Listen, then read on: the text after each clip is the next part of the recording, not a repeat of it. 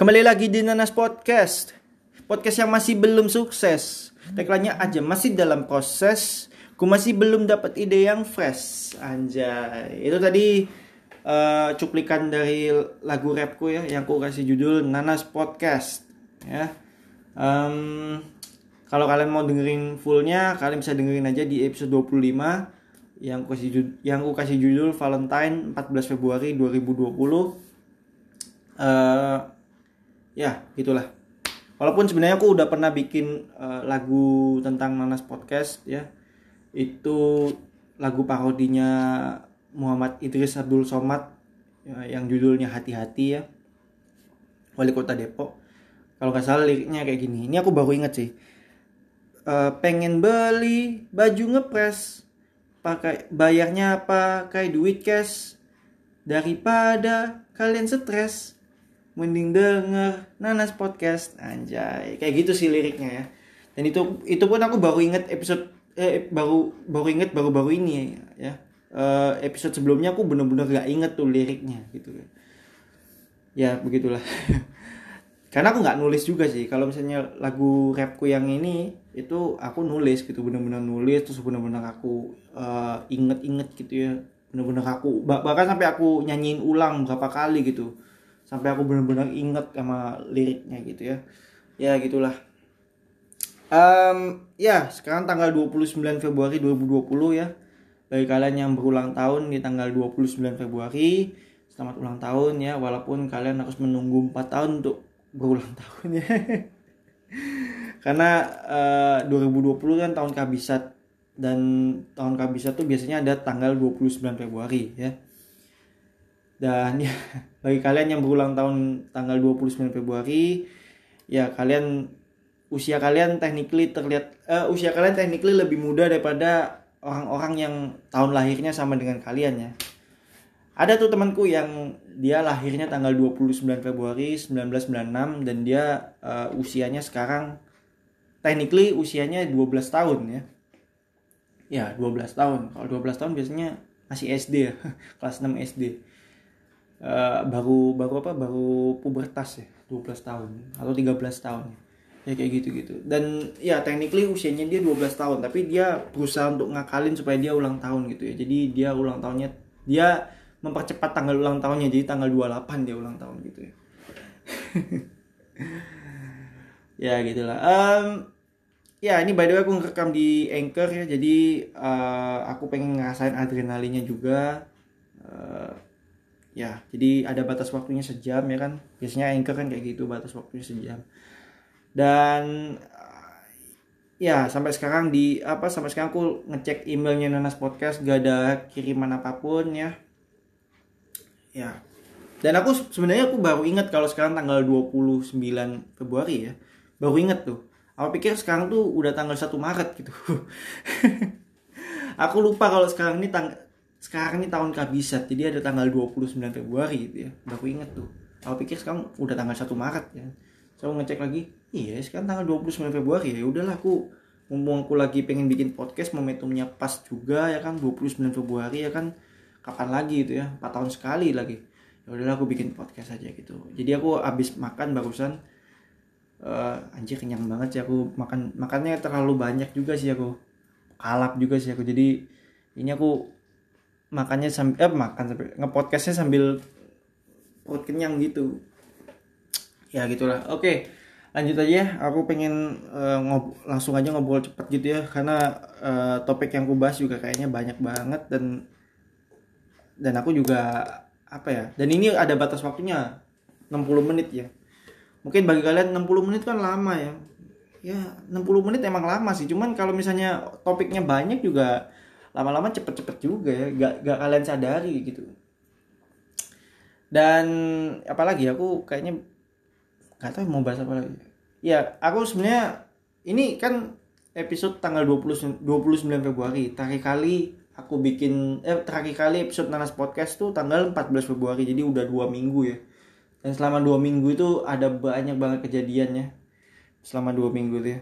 Walaupun nggak separah eh, tahun-tahun uh, sebelum eh bulan kemarin ya. Bulan kemarin tuh udah banjir terus virus corona Kobe Bryant meninggal terus ah banyak lah pokoknya kejadian tragis gitu ya.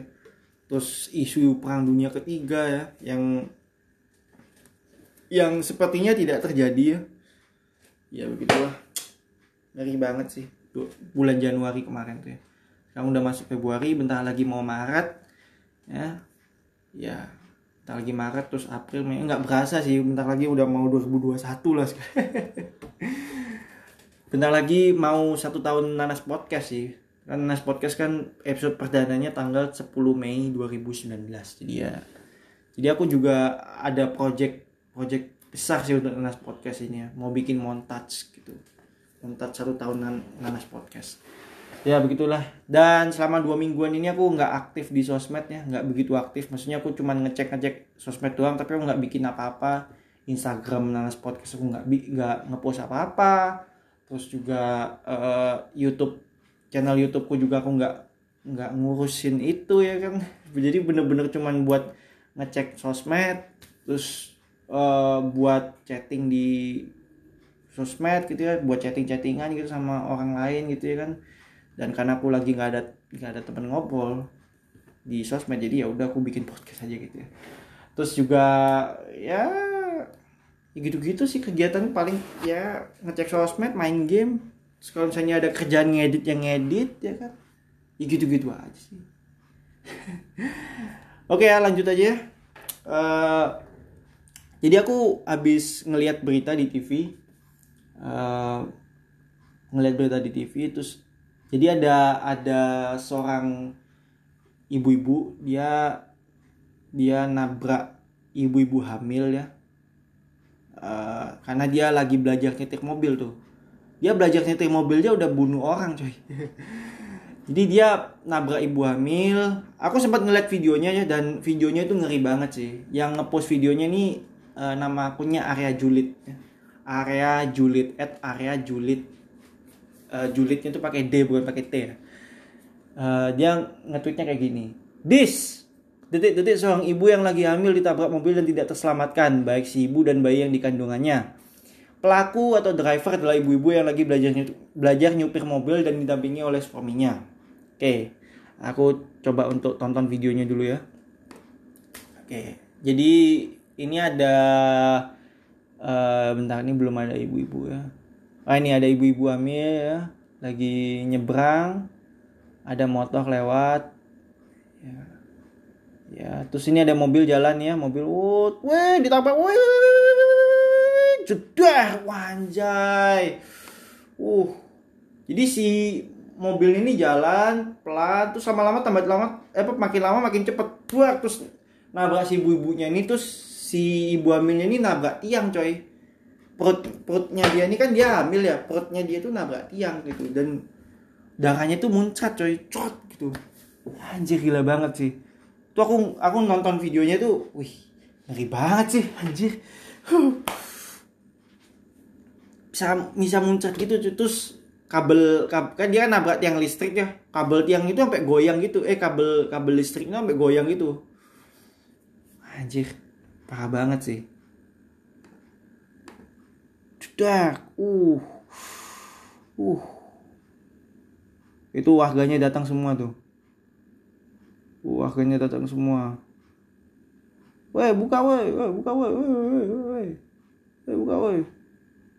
Yengnya buka pintu ya si si suaminya nih.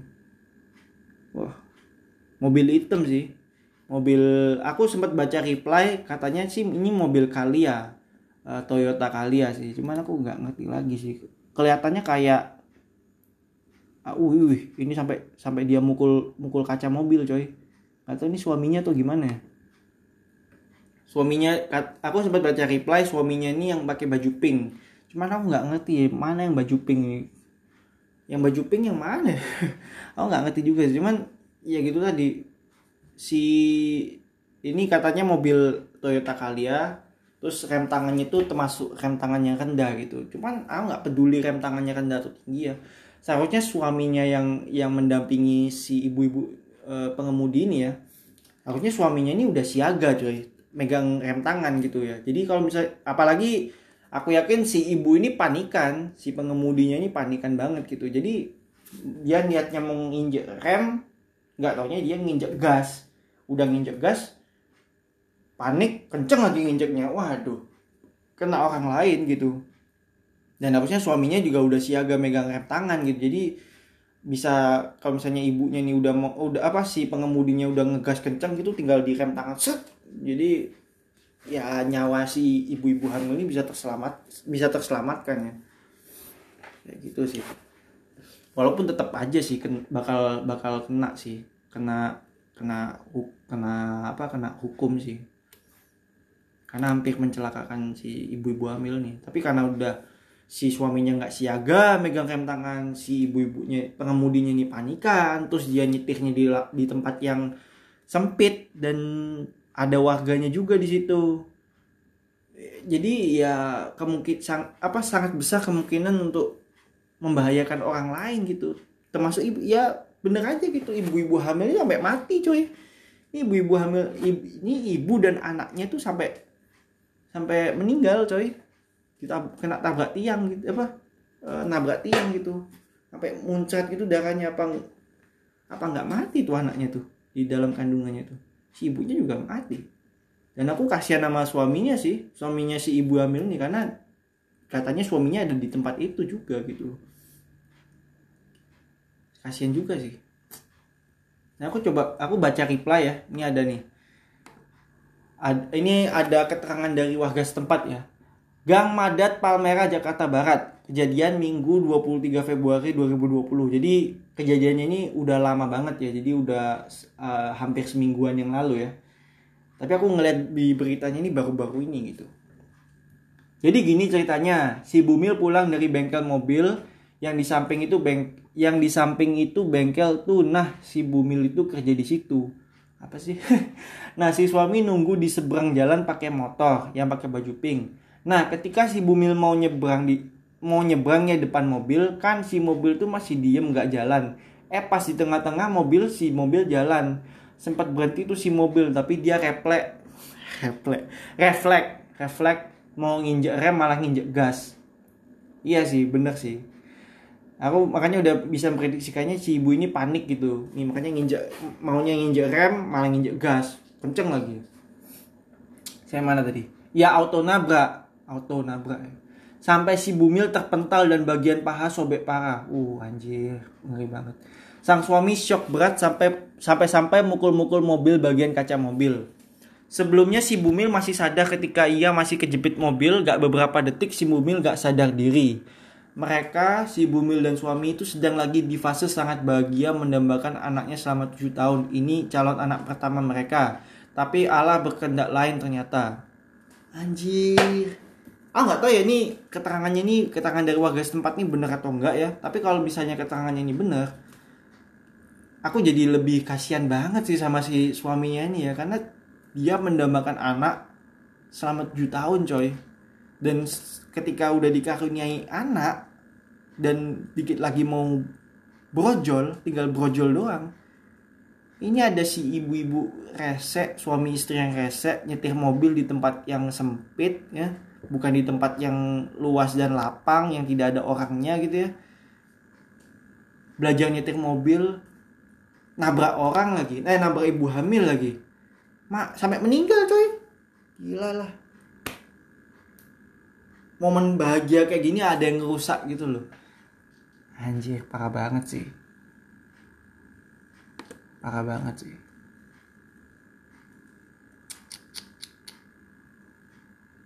Makanya aku aku paling kesel ya kalau ada orang yang nyetir ya, yang belajar nyetir belajar mengemudi mobil itu di tempat tempat sempit, di ganggang sempit gitu ya terus uh, ada warga setempatnya juga. Waduh, itu bisa bahaya, coy.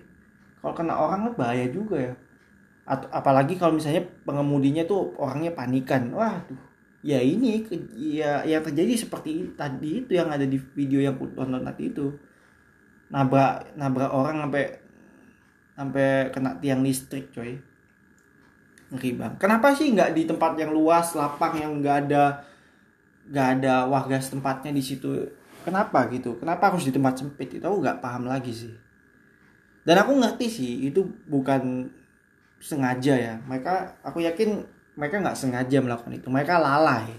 Tapi kelalaian mereka menyebabkan orang meninggal. Dan aku sempat ngelihat di di TV itu si pengemudinya itu dan nggak tahu ya suaminya juga kayaknya. Kayaknya suaminya nggak deh. Tapi suaminya juga lalai sih buat aku ya. Harusnya suaminya juga kena sih ya tapi aku ngeliat di berita itu ibu pengemudinya pengemudinya doang itu terancam 6 tahun penjara. Itu pun lalai coy. Lalainya 6 tahun penjara. Apalagi kalau mereka misalnya mereka ini sengaja. Wah waduh 10 tahunnya nggak cukup coy. 15 tahun lah nggak cukup. Seumur hidup kalau perlu coy. Oh kalau perlu hukuman mati aja. Hukuman mati aja udah cukup lah gitu dan aku kalau misalnya ada di posisi suaminya ini ya suami si ibu hamil nih ya anjir aku bakal ngelakuin apa aja sih buat mencelakakan si si pengemudi dan suami pengemudi ini ya? Ngelakuin apa aja sih? Aku nggak ngebunuh ya karena balik lagi ya ngebunuh membunuh itu salah ya. Aku tidak membenarkan membenarkan perbuatan suami ini kalau misalnya dia membunuh ya. Aku nggak membenarkan itu tapi itu tadi gitu aku juga tidak membenarkan perbuatan uh, eh, ZA yang membunuh begal itu ya aku nggak membenarkan ya. Walaupun aku sempat bilang begal ini pantas untuk mati tapi tidak dengan cara dibunuh juga gitu ya. Tapi ya ya ya udah kejadian juga ya udahlah gitu. Walaupun aku tidak membenarkan itu ya membunuh itu salah. Di mata hukum di mata mata Najwa itu salah udah itu ya. Tapi ya itu tadi gitu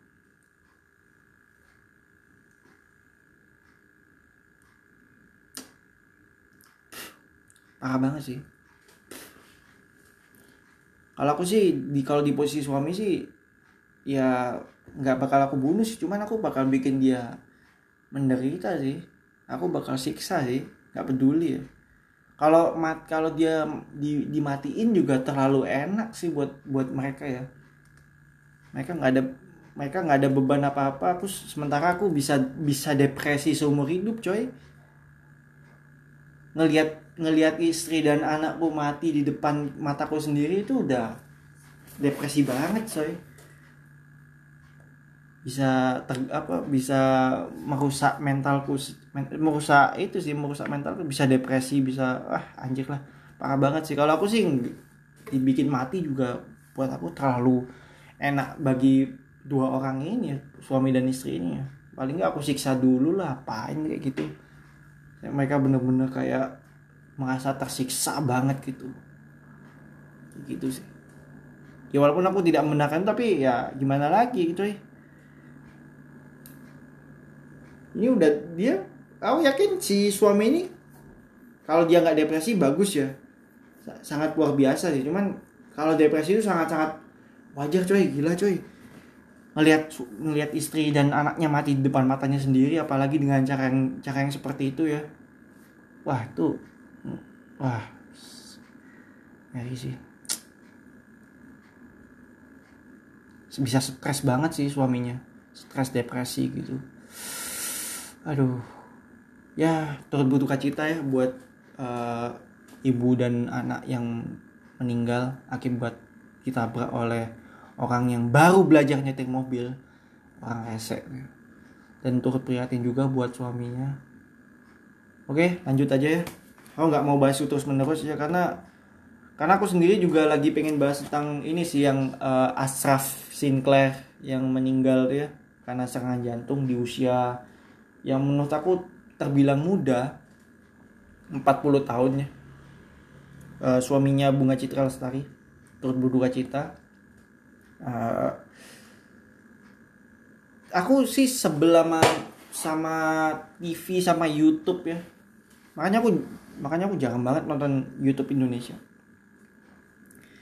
Sebelah sama TV karena mereka tuh memberitakan Asraf tuh sampai berminggu-minggu coy. Itu sama sama kayak yang waktu kejadiannya istrinya Sule eh mantan istrinya Sule yang meninggal itu. Itu diberitainnya sampai berapa minggu coy lama banget itu semingguan lebih kayaknya itu. Terus juga si siapa nih si uh, kejadian tsunami di Banten tuh siapa tuh? Ivan Ivan Seventeen tuh. Itu adiknya adiknya Ivan diund apa diwawancarai terus diundang di mana-mana terus di YouTube juga rame banget itu ya trending gitu kan. Maksudku kok bisa ngapain harus trending yang kayak gitu-gitu gitu loh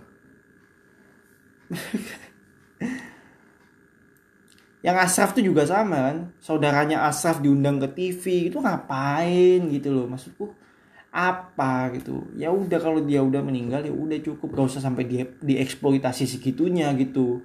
Dan itu kan itu kan ceritanya ceritanya pihak televisi apa pihak televisian ini kan media televisi apalah itu. Pokoknya media tuh kan mengeksploitasi kematian seseorang kan ceritanya gitu ya kalau udah meninggal ya udah diberikan sekali udah cukup gitu. Nggak usah sampai diberita apa sampai uh, dieksploitasi sampai diundang suami apa diundang uh, apa sampai ngundang saudaranya Asraf ngapain gitu? Maksudku kayak ya aku tahu Asraf ini suaminya BCL BCL tuh terkenal masuk TV uh, mus apa musisi terus apa selebriti lah pokoknya gitu suaminya selebriti lah pokoknya. Cuman ya nggak usah diberitain segitunya gitu. Jatuhnya kayak mengeksploitasi demi keuntungan pribadi gitu kan. Apa gitu? Tega banget gitu mengeksploitasi kematian orang demi keuntungan pribadi gitu ya. Aduh parah banget sih. Makanya aku kayak sebel banget sih sama orang kayak gitu. Makanya aku yang kasusnya ibu-ibu hamil ini yang dia mat apa dia meninggalnya aku udah bahas sekali udah cukup gitu. Karena ya ngapain gitu? Aku nggak mau nggak mau terlalu expose lebih jauh apa gimana gitu. Ya udah gitu kalau dia udah meninggal ya udah gitu. Ya aku sih berharap semoga si pengemudinya ini dihukum dengan hukuman yang setimpal gitu ya. Penjara ya penjara buat aku nggak cukup sih. Nggak cukup sih buat aku penjara sih. Ya beneran tadi disiksa sih buat buat aku penjara belum cukup menyiksa Oke ya lanjut ya. Um, ini aku sempat ngeliat ngeliat twitternya Kaisang ya. Jadi Kaisang ini kan dia bikin eh dia nge-tweet tentang ini. Ini tweetnya pokoknya kayak gini. Wok wok wok wok wok masa S1 cara melamar pekerjaan begini. Terus dia uh, ada foto orang melamar kerja di email gitu ya. Uh, emailnya disensor. Uh, terus profile picnya disensor terus dia cuma ngirim PDF doang PDF lam, PDF yang dia kasih judul lamaran udah gitu doang gitu maksudnya kayak ya cuma ngirim gitu doang ya terus lu berharap berharap diterima gitu kayak ya wajar sih Kaisang ngetawain sih ya tapi buat aku sih Kaisang uh, tidak sampai mengekspos orang ini ya kayak untungnya cuma untungnya disensor gitu email dan profile picnya. Jadi ya buat aku sih ya sah-sah aja sih ya. Toh juga diketawain tuh ya wajar-wajar aja sih karena ya memang memang aneh banget sih ngelamar kerja cuma naruh naruh PDF taruh di email udah gitu doang nggak ada dikasih keterangan apa gitu ya. Nggak ada cara yang lebih lebih baik gitu untuk melamar kerja gitu. Cuma naruh iya naruh PDF di, dikirim di emailnya Kaisang. Tep udah gitu doang gitu nggak ada apa gitu. Ya wajar sih kalau diketawain ya. Untungnya nih Kais ini yang punya perusahaannya itu loh Kaisang. Dia aja ngetawain coy. Kalau di tempat lain sih bisa diketawain di depan mukanya gitu coy. Sama HRD-nya mungkin atau sama bosnya mungkin nggak tahu ya. Bisa aja diketawain gitu ya atau bisa aja dibuang langsung surat lamaran kerjanya dibuang atau diapain lah gitu dibakar apa gimana terus ada ada nih yang akun namanya Dika Kush D I K A K U S H gitu ya. dia ngetweet kayak gini Mas Kaisang kan anak pejabat mana ngerti rasanya ngelamar kerja Hah? apa, apa? oke lanjut ya terus apa elok mas ngejadiin konten orang yang ngelamar kerja tapi nggak tahu caranya bikin surat lamaran Padahal ini udah semangat buat kerja kerja kerja, tapi dijadiin konten. Sedih. Sedihnya tuh S E D Y gitu. Sedih. Gitu. Terus dia bikin thread nih ceritanya. Bikin thread. Ye tahu gue tak eh gue ye gue tahu itu bocah S1 emang blow on, tapi lo tuh anak presiden bukan admin HRD bacot ya. kalau serius sih bukannya bercandaan aja emang mantap sih ngejadiin susahnya orang jadi konten kalau you anak presiden ya kasih kerjaan lah. At least jangan dijadiin konten bikin blunder bapak lo aja dah. Tinggal nunggu waktu doang nih gue dibilang haters haters Jokowi. Padahal kalau kato mah ya kato aja. Terus ada ada dia ngirim dia ngepost foto gitu. Uh, dia nggak ngesensor gitu. Ini Kaisang dia aja ngesensor ngesensor email dan uh, profile picnya. Ini dia nggak sensor sama sekali uh, akun twitternya nggak disensor profile picnya tidak disensor terus dia uh, dia ngepost foto orang nge DM ke si Dikakusnya hapus threadnya g keburu malu. Terus dia bilang mantep loyalis. Mantep loyalis. Mantep loyalis. Hapus aja thread lo bang daripada malu berkepanjangan. Mantep loyalis. Terus dia bilang mantep. Gitu dong PR timnya anak presiden turun tangan walau berapa jam setelah banyak orang waras yang ngingetin kalau emang dibilang ngingetin model kayak gitu ya gak masuk. Oke Amdan Ciao apa sih? Kayak aku tuh ah bingung sih aku. Kayak dia tuh kenapa harus bawa-bawa anak presiden gitu?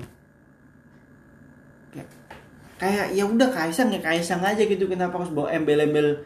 Ini lu tuh anak presiden harusnya lu begini lu begitu lu begini lu begitu. Terus ada bilang apa tadi ini aku aku gak setuju sama omongannya dia. Lu tuh anak presiden bukan admin HRD terus kalau anak presiden kenapa coy? Kan ceritanya yang punya usaha kaisang kan? Kalau ada orang yang lama kayak gitu dengan cara seperti itu ya wajar kalau dia ketawa coy. Dan masih untung kaisang tidak mengekspos uh, email dan profile picnya. Kecuali kalau dia expose ya baru aku bakal kritik kritik Kaisang sih. Kenapa dia mengekspos mengekspos apa mengekspos seperti itu gitu kan. Berarti kan dia niatnya untuk mempermalukan ya tapi kan enggak kan dia kan tidak mengekspos email dan profile picnya kan. Cuman dia bikin tweet uh, tweet uh, dengan bercanda seperti itu ya. Tapi ya emang emang aneh juga sih orang S1 kok ngelamar kerjaan seperti itu. Ya aneh sih gitu loh. Ya wajar lah untuk diketawain. Ya tapi untungnya tidak diekspos juga sih. Nah ini terus pakai embel-embel anak presiden itu buat apa gitu. Fungsinya apa gitu loh. Terus, terus dia bilang gini juga. E, mana tadi? Kalau serius sih bukannya bercandaan aja. Emang mantap sih ngejadiin susahnya orang jadi konten. Kalau you anak presidennya kasih kerjaan lah. Aja gampang banget coy. Anak presidennya kasih kerja. Terus udah pakai embel-embel anak presiden terus terus lu nyuruh orang buat ngasih kerjaan ke orang dengan gampangnya gitu. Orang bikin apa orang ngelamar kerja ngelam, apa surat lamarannya kayak kayak gitu terus lu nerima dengan gampangnya gitu ya ya kayak gimana gitu. Di luar sana masih banyak coy orangnya pengen pengen nyari kerja terus dia bisa ngelam, bikin surat lamaran dengan benar punya skill yang bagus. Tapi dia masih susah nyari kerja eh ini dia dengan entengnya kayak gitu ya. Lama kerja surat lamaran tinggal kirim PDF udah gitu doang gitu. Apa gitu etis jangan dijadiin konten bikin blunder bapak lo aja deh apa gitu bawa-bawa bapaknya lagi. Tinggal nunggu waktu doang nih gue dibilang haters Jokowi padahal kalau katro mah iya iya dia katro. Kenapa kenapa jadi bilang hate dia dia dia udah siap gitu. Gue nunggu waktu nih gue bakal dibilang hatersnya Jokowi gitu. Ya karena lu bawa bawa bapaknya dia gitu. Bawa bawa bawa, bawa anak presiden gitu embel-embel ngapain gitu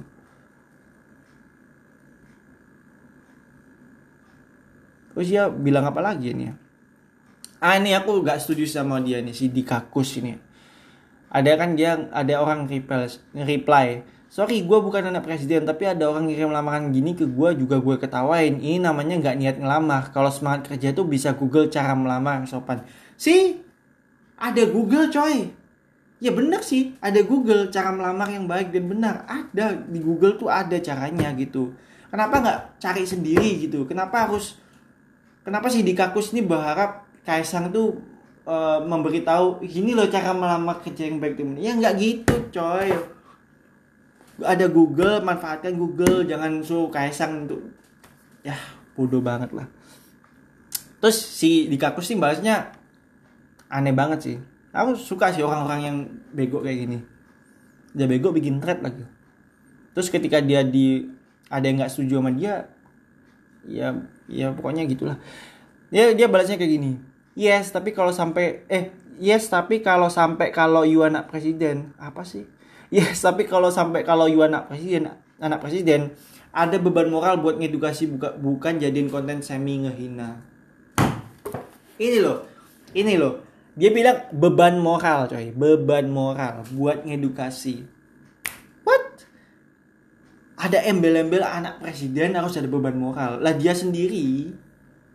Berarti kalau dia dia dia ngomong-ngomong kayak apa dia bikin thread kayak gini aja dia nggak memberikan beban moral pada dirinya gitu. Jadi dia bisa seenak jidat ngomong apa aja gitu ya kan. Terus giliran Kaisa bikin tweet tweet yang jelas-jelas dia uh, ngebecandain orang yang bikin lamaran kerja nggak benar. Terus dia memberikan beban moral ke Kaisang gitu dengan gampangnya gitu kan. Maksudnya kayak kalau lu sendiri nggak bisa ngom apa ngomong sesuatu berbuat sesuatu lu tidak memberikan beban moral ke diri lu sendiri ya seharusnya lu tidak usah memberikan beban moral ke orang lain dong. Ya kan? Simpel itu kan. Kalau lu udah ngasih beban moral ke orang lain seharusnya lu lu sendiri juga udah punya beban moral ke diri lu sendiri gitu. Masalahnya si Dikakus nih bikin thread tuh seolah-olah dia tuh kayak nggak ada beban moral sama sekali gitu. Terus tapi dia memberikan beban moral ke Kaisang gitu. Kan aneh banget ya kan? Pakai embel-embel anak presiden lagi ya kan? Apaan gitu ya kan? Anak presiden ada beban moral buat ngedukasi. So kalau ini lu lu harusnya masih masih apa lu harus mengedukasi bukan menghina. Ini bukan ngehina sih buat aku nih. Buat aku sih Kaisang sih udah udah udah bagus sih dia kayak gitu sih ya udah bagus dia tidak mengekspos si yang email eh pak yang ngelamar kerjanya nggak niat itu ya. Udah bagus sih. Untung aja nggak diekspos. Kalau diekspos sih aku ya wajar kalau aku kritik apa aku uh, wajar kalau dikritisi gitu. Cuman kan ini udah bener gitu. Dan tidak ada tidak ada tidak ada beban untuk mengedukasi tidak perlu gitu. Harusnya orang lain bisa nyari sendiri cara cara melamar kerja yang baik dan benar itu masa masa gitu aja harus harus dikasih tahu sih. Masa harus di masa harus diedukasi gitu kayak anjir gak penting banget sih. Gak penting banget gitu loh. Terus ini ada dia dia juga bilang gini. Ada yang reply maaf nih mas atau mbak udah jelas Dika. Dika masa mbak? Gitu kan. Ya tapi bodoh amat lah ya. Tapi dia emang sensitif sih bukan mau ngebelain Mas Kaisang tapi coba browsing dulu cara kirim lamaran kerja melalui email yang baik dan benar. Itu maksudnya maksudnya format pengirimannya yang kurang tepat. Email tuh udah seperti lembar yang biasa ditulis tangan sertakan peri, terkait perihal yang dimasukkan.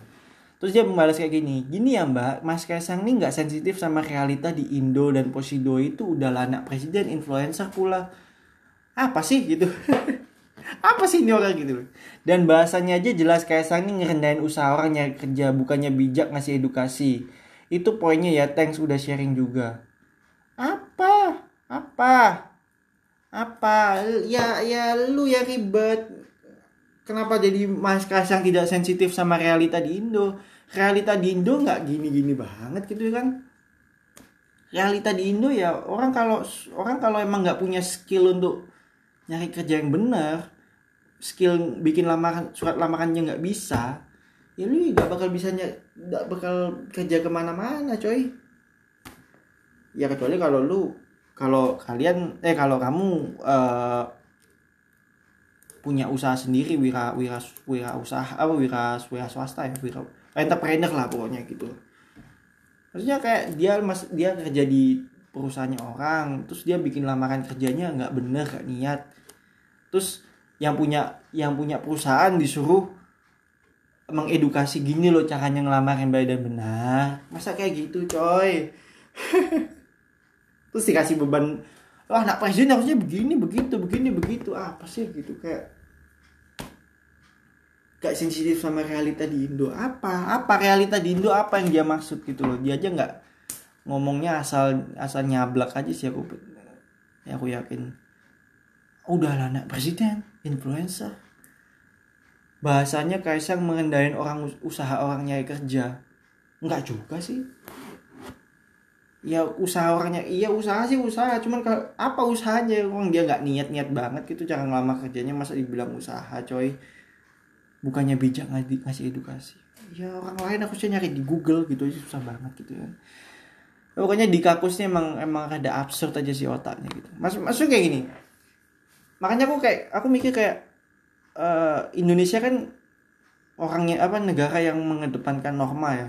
Norma adat norma uh, agama norma kesusilaan norma kesopanan norma hukum ya. Terutama norma kesopanan ya. Tentang tentang moral lah istilahnya gitu ya. Kalau uh, Indonesia mengedepankan moral menurut aku tuh sah sah aja. Tapi kalau Indonesia terlalu mengedepankan moral buat aku itu yang salah. Ya karena jadinya seperti ini. Seperti orang-orang kayak gini terlalu memberikan mo beban moral ke orang lain bahkan ke dianya sendiri ke dianya sendiri aja nggak ada beban moral apa apa tapi dia udah ngasih beban moral ke orang lain gitu. Udah kayak ngasih oh lu anak presiden begini lu influencer begini kayak ngasih beban moral. Lu harusnya uh, sebagai anak presiden harusnya memberikan edukasi gitu kayak. Sedangkan dia sendiri bacotnya aja udah kayak gitu ya kan? Udah nggak ada beban moral sama sekali da dalam dirinya gitu ya kan? Itu kayak aneh banget gitu. Dia terlalu terlalu apa ya? Buat aku terlalu mengedepankan moral gitu ke orang lah. Sampai sampai sampai sampai ngurusin moral orang lain lah. Sampai uh, ya kayak gitu gitulah makanya aku nggak setuju sama sama orang yang terlalu mengedepankan moral. Kalau mau mengedepankan moral ya seperlunya aja gitu. Jangan sampai ya kalau mau mengedepankan moral ya minimal ke diri sendiri dulu lah. Jangan sampai ke orang lain orang lain gitu. Sedangkan ke dirinya sendiri nggak ada beban nggak gak ada beban moral sama sekali gitu ya. Ya aneh banget sih kalau kayak gitu. Ya begitulah. Um, abis itu mau bahas apa lagi ya oh iya ini sih aku aku jujur aja aku sempat sempat ngecek di ya di internet lah gitu.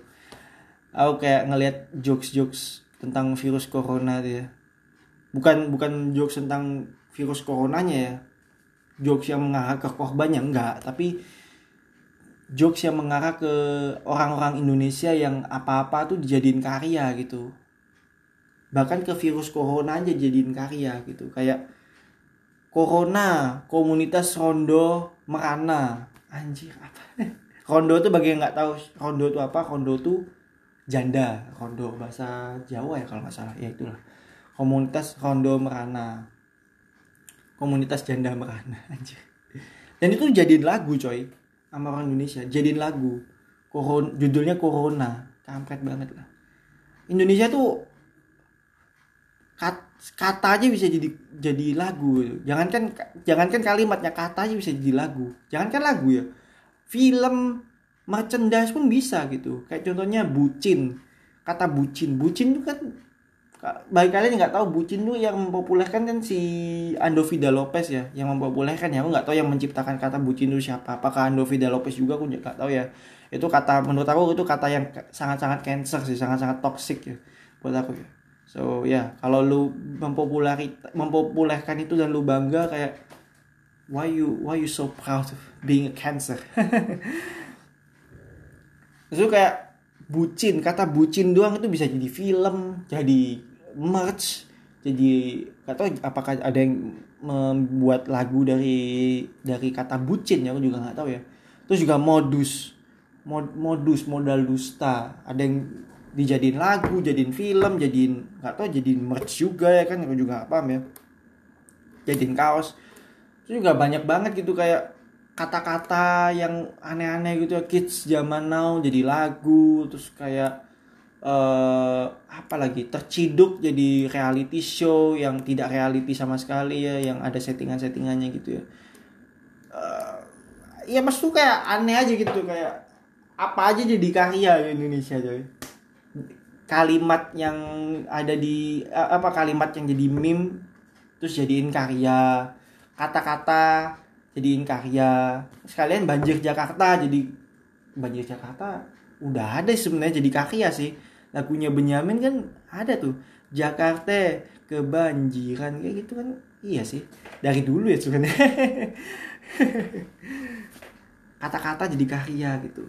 Kalimat jadi karya gitu ada jadi film jadi merch jadi uh, lagu jadi uh, reality show yang tidak reality tidak ada realitinya sama sekali. Ada settingan-settingan juga. Itu juga aneh aja gitu kayak even corona bro. Corona itu penyakit virus corona. Ya walaupun ada juga bir yang mereknya corona ya. Ya tapi itu jadi lagu dan ada yang ada yang ngasih kepanjangannya lagi. Corona komunitas rondo merana. Aduh tidak lucu tidak lucu. Eh komunitas rondo merana apa sih? Jadi lagu lagi anjir. Aku ngeliat meme-nya di internet tuh lucu banget tapi sih.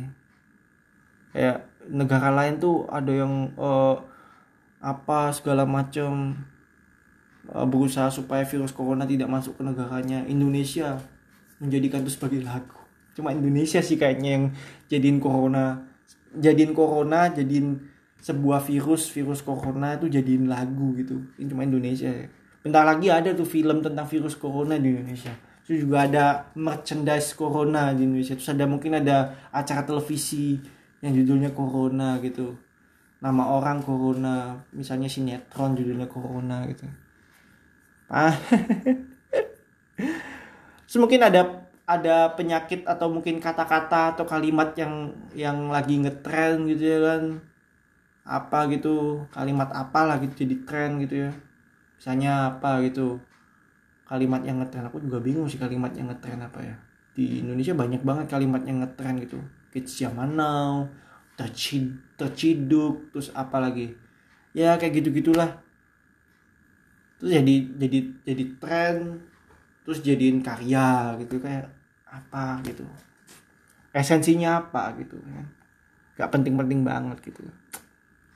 Kayak gitulah Indonesia. Ya.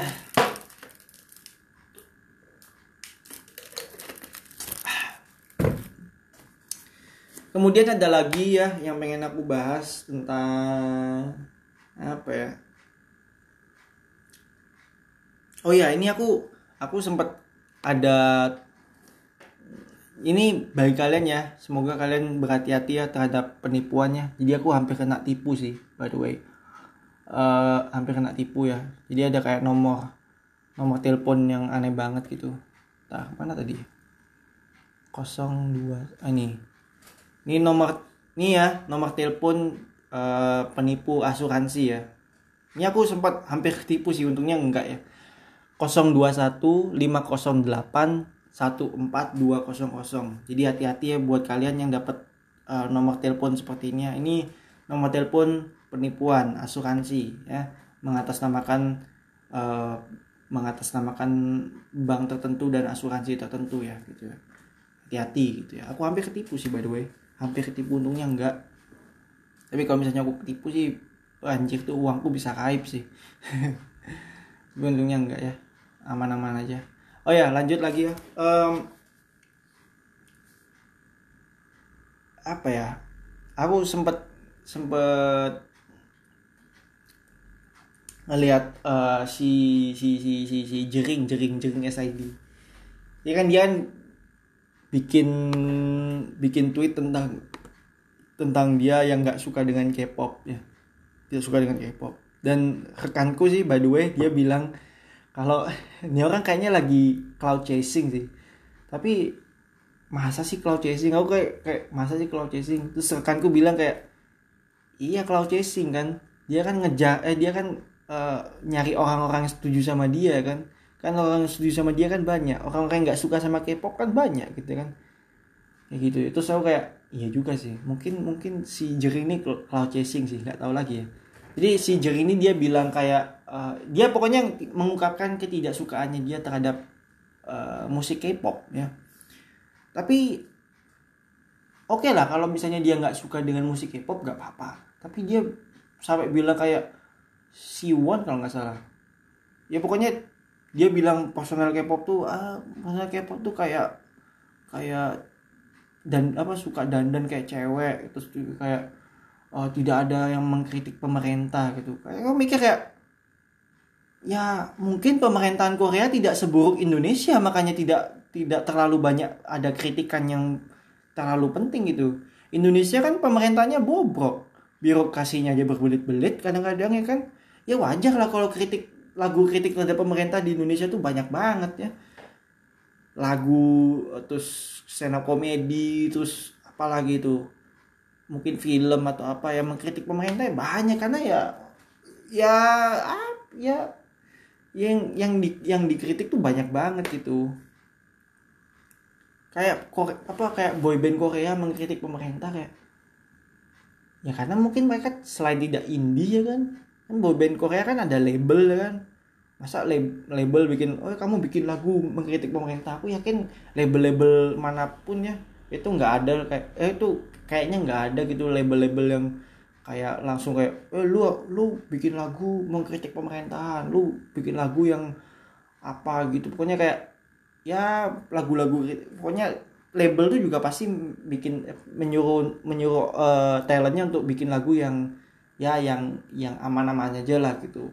Maksudnya kayak dia kan boyband Korea kan ada labelnya pasti. Masa labelnya kayak lu bikin lagu eh kalian bikin lagu yang mengkritik pemerintahan ya kan nggak mungkin ya kan? Ya aku tahu sih kayaknya SID ini indie makanya dia bisa bilang kayak dia bisa dia gua aja bisa bikin lagu yang mengkritik pemerintah gua aja bisa kayak bikin uh, op, apa bikin opini yang bisa mengkritik pemerintahan gitu ya kayak iya iya oke okay sih. Cuman kayak pemerintahan Korea tuh juga kayaknya gak seburuk pemerintahan Indonesia Korea Selatan ya bukan Korea Utara ya Korea Selatan. Pemerintahnya kayaknya nggak seburuk pemerintahan Indonesia sih. Kalau menurut aku ya.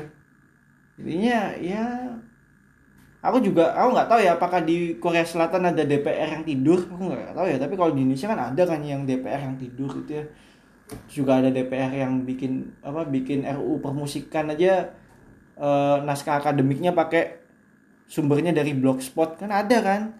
Di Korea mana ada kayak gitu? Kan nggak ada maksudnya kayak ya aku nggak tahu lagi ya apakah pemerintahan Korea itu juga bob Korea Selatan bobrok ya nggak tahu lagi ya. Tapi kalau nggak sebobrok Indonesia menurut aku sih ya nggak perlu lah terlalu dikritik banget ngapain gitu.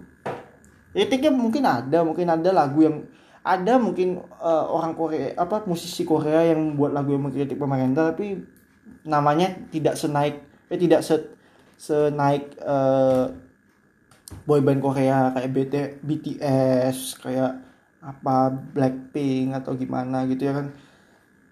Kayak gitu sih. Dan ya kalau menurut aku sih kalau emang nggak suka dengan musik Korea sih fine fine aja. Tapi ya gak usah kayak bilang oh lu gini gini gini apa kayak musik musik keras apa segala macam kayak ya kalau emang dia mus suka musik keras ya udah keep it for yourself gitu dan fans fansnya dia gitu gak usah sampai nyenggol musik lah aku juga nggak tahu sih apakah aku aku nggak tahu ya. Orang tuh bilang ya kalau misalnya K-popers itu lebih ganas daripada ormas. Ada yang bilang kayak gitu coy. Aku nggak pernah ngeliat tuh K-popers nge-sweeping apa uh, ngebubarin konser dangdut atau konser rock. Nggak pernah sih aku ngeliat ada K-popers yang melakukan hal itu nggak pernah gitu aku nggak pernah gitu eh, ngeliat K-popers yang uh, ngepersekusi hatersnya gitu ya. Orang yang nggak nggak suka dengan K-pop ya anti K-popers ya. Ya anti K-pop ya. Oh nggak pernah tuh ada orang ada K-popers yang ngepersekusi orang yang anti dengan K-pop. Nggak pernah. Nggak pernah. Malah kalaupun K-popers itu bacot ya paling bacotnya cuman via sosmed doang. Di real mah mereka kayaknya fine fine aja nggak sampai kayak lu awas dia. Gua gua gua gua gua gorok leher lu ya. Atau kalau misalnya cewek awas lu ya gua apa gua perkosa apa gimana ya kata-kata kayak gitu ya. Kan ada tuh yang yang kayak gitu kan kalau misalnya model-model persekusi kayak gitu ya. Atau misalnya di sweeping itu nggak ada. Aku nggak pernah ngeliat tuh kayak popos nge, nge ngebubarin pen, apa konser dangdut konser jazz ya karena kalau mereka berani ngebubarin dia mereka bakal dihabisin.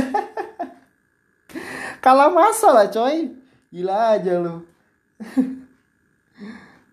Ya karena mereka juga tahu lah.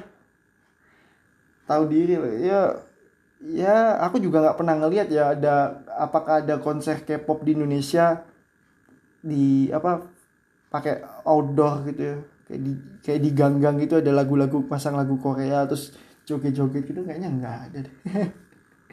Paling mentok ya dangdut gitu pak. Rock metal gitu. Kayak gitu-gitu sih.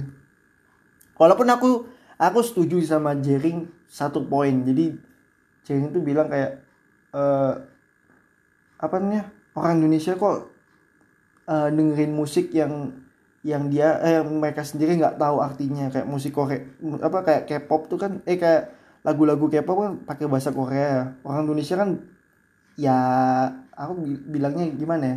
Ada ada yang ada yang ngerti bahasa Korea tapi nggak banyak gitu yang ngerti bahasa Korea gitu. Tapi mereka menikmati lagunya gitu. Kayak aku juga aku aku dengerin lagu Korea aku nggak nggak ngerti artinya. Tapi aku ya enjoy dengan lagu-lagunya. Ada kok lagu lagu K-pop yang lagu Korea yang bagus ada gitu. Walaupun yang jelek juga ada gitu. Tapi ya aku enjoy gitu. Walaupun aku nggak tahu artinya tapi aku coba untuk cari tahu gitu. Mungkin itu yang di yang yang di yang menjadi tujuannya gitu. Supaya orang tuh cari tahu artinya terus mulai belajar bahasanya gitu ya kan. Ya gitulah.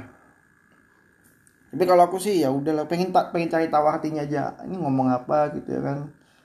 Ya gitu aja sih. Ada aku aku aku ya aku aku ya ada kok lagu Korea yang bagus ada aku aku ya ada kok lagu-lagu negara lain yang bagus ada. Nggak cuma lagu barat doang gitu. Maksudnya kayak kalau misalnya nggak suka dengan selera musik tertentu ya udah. Nggak perlu sampai kayak kayak jering ini kan dia kan sampai ke personalnya coy. Sampai ke personal dia. Sampai dia nggak sampai dia bilang eh, ini ini ini cewek apa? Ini cowok apa cewek? gitu. Kayak aku ngerasa kayak anjir. Ini orang orang orang kayak gini ya meskipun meskipun lu bilang cewek apa gimana tapi dia kalau disuruh wajib militer ikut ikut aja gitu. Nggak bakal kayak takut takut gitu gimana gitu ya. Ya gitulah. Maksudnya kayak kalau misalnya nggak suka dengan selera musik tertentu ya ungkapkan aja. Tapi nggak perlu sampai mau apa ya kayak bilang oh, ini cewek apa cowok? Nggak perlu bilang kayak gitu juga ngapain? Itu kan sampai itu kan lebih ke personal bukan ke uh, tidak suka dengan selera musiknya. Bukanlah apa itu bukan lagi tidak suka dengan selera musiknya itu udah nggak suka sama personalnya gitu. Ini cowok apa cewek? Ya cowok lah. Masa harus masa harus ngelihat lagi gitu di bawahnya ini cowok apa cewek? Dilihat lagi bawahnya oh cowok ternyata onder deal harus dicek lagi. Ngapa? Ya udah tahu cowok ya cowok aja ya gitulah. Terus dia terus lucunya waktu dia di apa di report sama akun-akun K-pop gitu dia ngomel-ngomel di Instagram coy. Maksudku kayak anjir sih ya jeringnya juga sih dia nyari masanya kayak popers sudah tahu kayak popers tuh ganas banget kalau di sosmed ya walaupun di real life gak ganas-ganas banget ya. Jadi kalau misalnya lu bilang kayak popers lebih ganas apa lebih ganas dari ormas aku nggak setuju sih buat aku. Kayak popers tuh ganasnya di sosmed doang. Di real life mereka ya ya biasa-biasa aja gitu. Biasa-biasa aja. Aku yakin kayak popers tuh nggak bakal kok dia nggak bakal kok sampai uh, apa ya persekusi orang nggak sampai kok. Yang like saja dia dia aja bonyoknya bonyok settingan ya kan. Dia kan dia kan bilang dia digebukin kayak popers mana buktinya? Dia kan bohong-bohong aja kan. Apalagi kayak yang les mengklaim kalau dirinya berhasil ngebohongin satu Indonesia. Nggak juga sih. Aku aja nggak ketipu. Aku aja nggak ketipu. Karena aku udah tahu kayak popers gak bakal melakukan hal seperti itu di real life. Ya kalau di sosmed mungkin mereka akan bacot-bacot aja gitu. Kayak oh, lu gak boleh lu lu menghina ini ya apa menghina apa uh, idol gua atau apa. Aku juga nggak paham ya nama idolnya mereka tuh sebutannya idol mereka tuh apa aku juga nggak paham ya. Kok nggak terima ya gitu. Tapi ya bacotnya cuman sampai di di sosmed aja. Di real life mereka nggak seganas itu kalau kalau mereka ganas ya di sosmed ya baru kalian bisa bilang kalau K-popers tidak lebih ganas ya. Aku bilang nggak lebih ganas tapi setara dengan ormas. Ganasnya itu setara dengan ormas. Ya gitulah. Aku nggak nggak mau bilang ya ormas ormas yang mana ya. Nggak mau bilang ya. Kalian cari tahu sendiri ormas yang mana yang ganas. Oke. Walaupun aku sendiri juga nggak ngerti ya kenapa nama or apa kata ormas itu jadi konotasinya negatif. Ormas itu kan organisasi masyarakat ya. Kenapa konotasinya jadi negatif gitu ya? Organisasi masyarakat. Ya masyarakat kan organisasi organisasi masyarakat kan kayak masyarakat punya organisasi that's it gitu. Kenapa jadi konotasi negatif gitu? Oh masuk melakukan sweeping melakukan apa persekusi apa gimana kayak? Itu mah itu mah organisasi masyarakat tertentu yang melakukan itu ya. Organisasi masyarakat yang lainnya mah positif positif aja sebenarnya sih. Cuman gak gerasa gak gara satu satu dua organisasi yang melakukan hal yang bukan satu dua ya ada beberapa lah yang melakukan tindakan yang merugikan orang lain terus mereka terkena jadinya konotasi negatif. Ya orang kayak gini yang kayak sih buat aku sih. Itu sama kayak orang yang apa ya yang yang membuat kata ceb mungkin orang yang sama aku juga nggak paham ya. Membuat kata cebong dan kampret itu konotasinya negatif gitu. Padahal cebong kampret itu kan hewan gitu. Itu hewan cebong anak kata kata kecil hewan. Kampret kelelawar hewan. Terus kenapa jadi konotasinya jadi politis banget? Bukan negatif aku nggak bilang negatif itu konotasinya jadi politis gitu. Aneh banget sih buat aku mungkin karena media yang menggiring itu ya. Aku juga paham. Oke sekarang udah tinggal 4 menit lagi ya. Uh, sebenarnya masih ada sih topik yang pengen aku bahas cuman aku juga lupa ya mau bahas apa lagi ya. Um, ya balik lagi ya. Uh, jangan lupa dengerin Nanas Podcast di Anchor, Spotify, Google Podcast, Breaker dan Radio Public. Walaupun platform utamanya adalah Anchor dan Spotify. Bahkan uh, aku kaget karena pendengarnya Nanas Podcast itu paling banyak di Spotify ya. Dan jangan lupa dengerin juga di YouTube ya untuk 20 menit pertama. Follow juga Instagramnya Nanas Podcast @nanaspodcast uh, aku nggak tahu sih apakah Nanas Podcast bakal mengeluarkan merch ya merchandise ya jadinya UUJK ya ujung-ujungnya jualan kaos tapi kayaknya enggak deh aku aku sebenarnya pengen sih bikin bikin merchnya Nanas Podcast gitu. Cuman merchnya buat aku sendiri gitu. Jadi kalau misalnya nanti ada yang mau beli ya tinggal tinggal aku tinggal ya tinggal aku eh tinggal aku pesen aja gitu. Maksudnya kayak ya tinggal pesen aja gitu. Bisa dirilis. Kalau misalnya aku pengen rilis ya rilis. Kalau misalnya ada ada yang mau beli ya aku bisa rilis gitu. Kalau enggak ya enggak gitu. Buat aku sendiri. Dan warnanya pun juga nggak mungkin nggak nggak nggak hitam ya. Karena nggak tahu kenapa aku ngelihat merchnya orang-orang tuh merch pertamanya orang-orang tuh ya entah entah youtuber entah uh, apalah gitu siapa gitu. Pokoknya influencer itu paling sering aku lihat ya itu merchandise-nya itu warna utamanya ya warna pertamanya ya. Ketika mereka mengeluarkan merch itu warnanya hitam. Kalau nggak hitam putih gitu aku nggak ngerti kenapa. Kenapa nggak warna biru atau hijau atau orange atau pink atau warna kan banyak. Kenapa harus dimulai dari warna hitam? Dimulai dari warna putih. Aku juga nggak paham ya. Dan pembelinya pun banyak. Mungkin karena karena ada eh, karena konsumennya banyak kali ya. Konsumennya suka warna hitam juga kali ya. Makan pasarnya suka warna hitam. Makanya mereka ngeluarinnya warna hitam duluan dan putih gitu. Atau putih gitu. ya gitulah.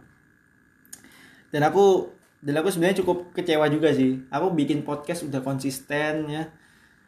Uh, dan dan pendengarku tuh kalah sama rekanku gitu. Rekanku kan bikin podcast cuma satu kali doang ya bikin solo podcast. Dan dia bikin uh, judulnya krisis tuh ya. Pendengarnya tuh 15 coy. Aku aja nyentuh 15 nya nggak pernah selama aku bikin podcast nih ya. Paling mentok tuh 4 aku coy. Bahkan episode pertama Nanas Podcast itu pendengarnya cuma 12 itu pun paling banyak itu sementara rekanku baru sekali bikin solo podcast 15 pendengarnya anjir lah gila banget lah emang. Jadi konsisten konsistensiku selama ini gak ada gunanya. Itu sama kayak aku Adriana Kolbi rekanku ini Raditya Dika gitu. Aku bikin podcast rajin-rajin Raditya Dika bikin podcast sekali langsung booming anjir. Gila banget lah. Tapi emang dia mungkin uh, bisa mendongkrak apa pendengar ya tapi ya udahlah ya. Eh, mau pendengarnya dikit mau pendengarnya banyak aku ya tetap bersyukur ya. Setidaknya ada yang dengerin. Walaupun ada dua episode yang nggak ada pendengarnya episode 17 sama 18 oke itu aja ya dari aku ya. Em, ya sampai jumpa di episode selanjutnya ya. Selamat ulang tahun bagi yang berulang tahun hari ini. Dadah